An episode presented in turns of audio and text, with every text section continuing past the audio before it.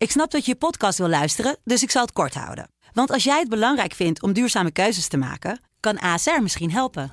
Nou hoor ik je denken, hoe dan? Nou, bijvoorbeeld bij het duurzaam herstellen van schade. Of de premies die we beleggen volgens ons duurzaam beleggingsbeleid. Dat bepaalt waar we wel en juist niet in investeren. Wil je meer weten over welke duurzame keuzes ASR maakt? Ga dan naar asr.nl slash duurzame keuzes. ASR doet het. Zo, dan kan je nu lekker naar je podcast luisteren.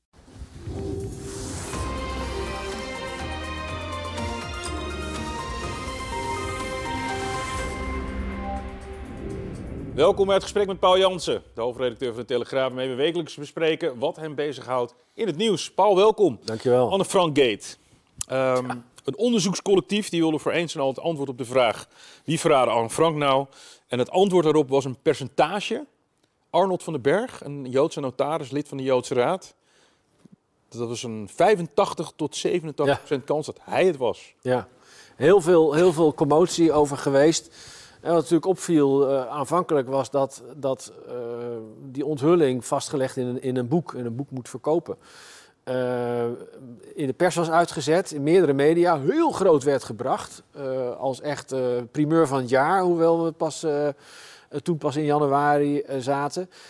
Maar ook al heel snel ging het, ging het beeld totaal kantelen. Ja. Er werd gezegd, ja maar wacht eens even, dit is specula- speculatief. Ja, Ehm, en dit is, op zo'n gevoelig thema kan je dat wel doen. En nou ja, we zijn nu, een- ik geloof twee weken verder. Ehm, er zijn excuses eh, gemaakt inmiddels door de Ja. uitgever die het boek hier in Nederland vermarkt. er is opgeroepen ook überhaupt om het boek niet meer uit te geven door het Europese Ja. Ja, en het, het beeld is, is dus echt helemaal de andere kant op gegaan. En de onderzoekers hebben nu ook gereageerd en die, die zeggen, ja, wij blijven achter ons onderzoek staan. Ja. Maar, zeggen ze, het was geen historisch onderzoek, maar het was meer als een politieonderzoek aangevlogen. En, en die notaris is de belangrijkste verdachte. Ja.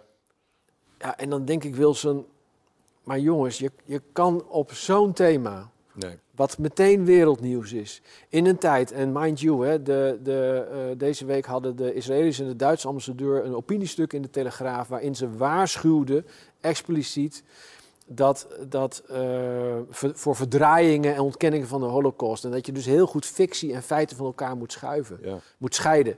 En, en wat dit boek doet. eh, en ik, ik ben echt van overtuigd dat de onderzoekers eh, met, met de goede bedoeling het onderzoek zijn gedaan. Ja. Alleen ze zijn er gewoon niet uitgekomen. Nee, En dan zeg je ja, kun je hij, beter dat zeggen. hij, hij, ja, hij is de voornaamste verdachte. En, maar zo, ze moeten dan begrijpen dat zo'n man wordt vervolgens wel opgeknoopt Ja. als, als verdachte. Eh, en in een politieonderzoek is het zo, jij levert de verdachte. En dan wordt die, het OM kijkt, gaan we vervolgen en dan komt het voor de rechter en die oordeelt. Maar hier ligt het in het boek en, en, en het is klaar. De man wordt, is veroordeeld. En op zo'n thema kan je gewoon eh, niet met zo'n methode aankomen. Je moet het of 100% zeker weten, of je moet het niet brengen. Daar, je- zit, daar zit niks Nee, tussen. maar- Niet, niet op dit thema. Heb, heb- maar hebben die mannen en vrouwen nou de eh, totale gevoeligheid dan onderschat? Zo van, nee joh, dit is gewoon een eh, cold case politieonderzoek. Een Ja. beetje, beetje, Nou, ik- ook wel ergens iets ludiek, zo van een hele oude zaak uitgraven. Ja, maar, maar, maar weet je, er is zoveel onderzoek al gedaan naar, Ja. naar eh, natuurlijk de kwestie Anne Frank. eh, eh, dat je bijna kon afvragen, ja, wat valt er nog te onderzoeken? En, Ja. en, en, en toch, en dat is op zich interessant, ha- eh, eh, hadden zij weer aanleiding gevonden om te denken, nou, we, we kunnen toch, hè, onder andere die anonieme melding eh, van Ja, wie de dat brief- verrader... Dat briefje. Dat briefje. ja. Heel veel over te doen, dat briefje. Wie de verrader zou kunnen zijn. En wat je ziet is in de methode dat ze eigenlijk een soort deductie toepassen door het wegstrepen van opties. En dan komen ze zo uit bij die notaris. Maar dat is bijna een omgekeerde bewijslast. Eh, Dat, dat, is Ja. natuurlijk. En nogmaals, het gaat om het gevoelige thema. En eh, eh, ik, ik denk dat hier sprake is geweest van tunnelvisie. Ze zijn, vermoed ik, zo betrokken geweest bij het onderzoek. En, en daar zo vol van geweest dat ze. eh, niet meer hebben gezien hoe de wereld om hen heen op die, op die uitkomsten zal kunnen reageren.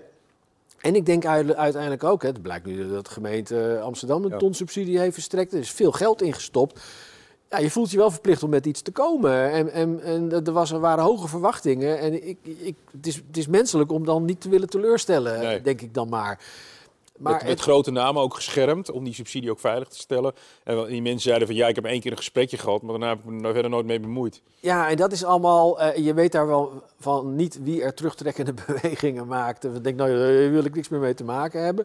Maar weet je, het is, het is ook zoals onze columnist eh, eh, Leon eh, de Winter zei, dat op het moment dat je met zo'n rammelend verhaal, want het is gewoon een rammelend verhaal. Eh, Ze ze zeggen notabene zelf 85% kans dat hij het is. Ja, kom op zeg, daar, Ja. daar kan je, ik vind dat, daar kan je zo'n verhaal niet aan ophangen op dit thema. Ehm, maar maar eh, Leon eh, zei in zijn eh, column ook van dit is koren op de molen van jodenhaters.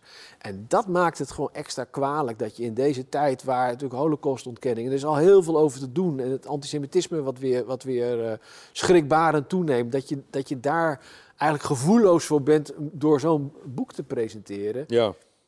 Ik, vind, ik, ik vind het wel een hele slechte zaak. We zagen antisemitisme, hè, dat het weer toenam. Ehm, dat, is, dat is al een tijdje bezig. En eh, nu zie je ook nog eens dat daar zo'n hele laag complotdenkers bij is gekomen. Hoe, hoe moeten we daar nou mee omgaan? Nou, ik denk dat het belangrijk is dat eh, wij als media daar in ieder geval altijd heel scherp op blijven. Eh, helaas is het eh, eh, antisemitisme al aan een lange tijd aan een comeback eh, bezig. Eh, Telegraaf heeft er ook veel over geschreven door de jaren heen. Eh, maar je ziet inderdaad het, het nu ziende ogen toenemen. Eh, Ja. Maar ook die holocaustontkenning of het verdraaien van, van, van eh, feiten Ja. van de holocaust. En dat is allemaal heel gevaarlijk. Dus ik denk dat je, dat je heel scherp hierop moet zijn, ook, ook als, als krant. En ook zaken moet benoemen. Maar wat je dus aan de andere kant in ieder geval niet moet doen, is op zo'n gevoelig dossier eh, als van wie heeft eh, Anne Frank verraden gaan lopen speculeren. Dat is exact wat hier is gebeurd. En dat is waarom al die ophef en al die commotie hier- hierom ook zo heftig is. Omdat Ja. iedereen voelt van, dit is een no-go. Ja, en dat zagen we bijvoorbeeld ook een Whoopi Goldberg, hè? Afgelopen week, die in de, in de View, dat bekende Ja. programma, iets probeerde uit te leggen. Wat, dat kwam er niet goed uit. Nou, dat kan je wel zeggen. Dat was Ja. natuurlijk een, ook een, een, een, een smakeloze, slechte opmerking van haar. Ja. Eh, je kan zeggen, ja, zij maakte wel de nuance van het. eh, dat- ze praat het niet goed, maar het had iets bagatelliserends eh, in zich op het moment dat je zegt dat de Holocaust een, niet, niet raciaal was, omdat het tu- tussen twee eh, witte volkeren eh, eh, was. En dan denk ik, ja, maar wat is dan je punt? Ja. Ho hoezo is dat als je daar, als je zo gefocust bent? Dus dat is ook kwalijk. En dat, dat is dan wel eens, ge- weliswaar geen holocaust-ontkenning, maar dat zit wel in het dingen kleiner maken dan, dan ze zijn. En ik denk dat met name ook in deze tijd we alert moeten zijn op dat dat niet gebeurt. Dankjewel. Graag gedaan.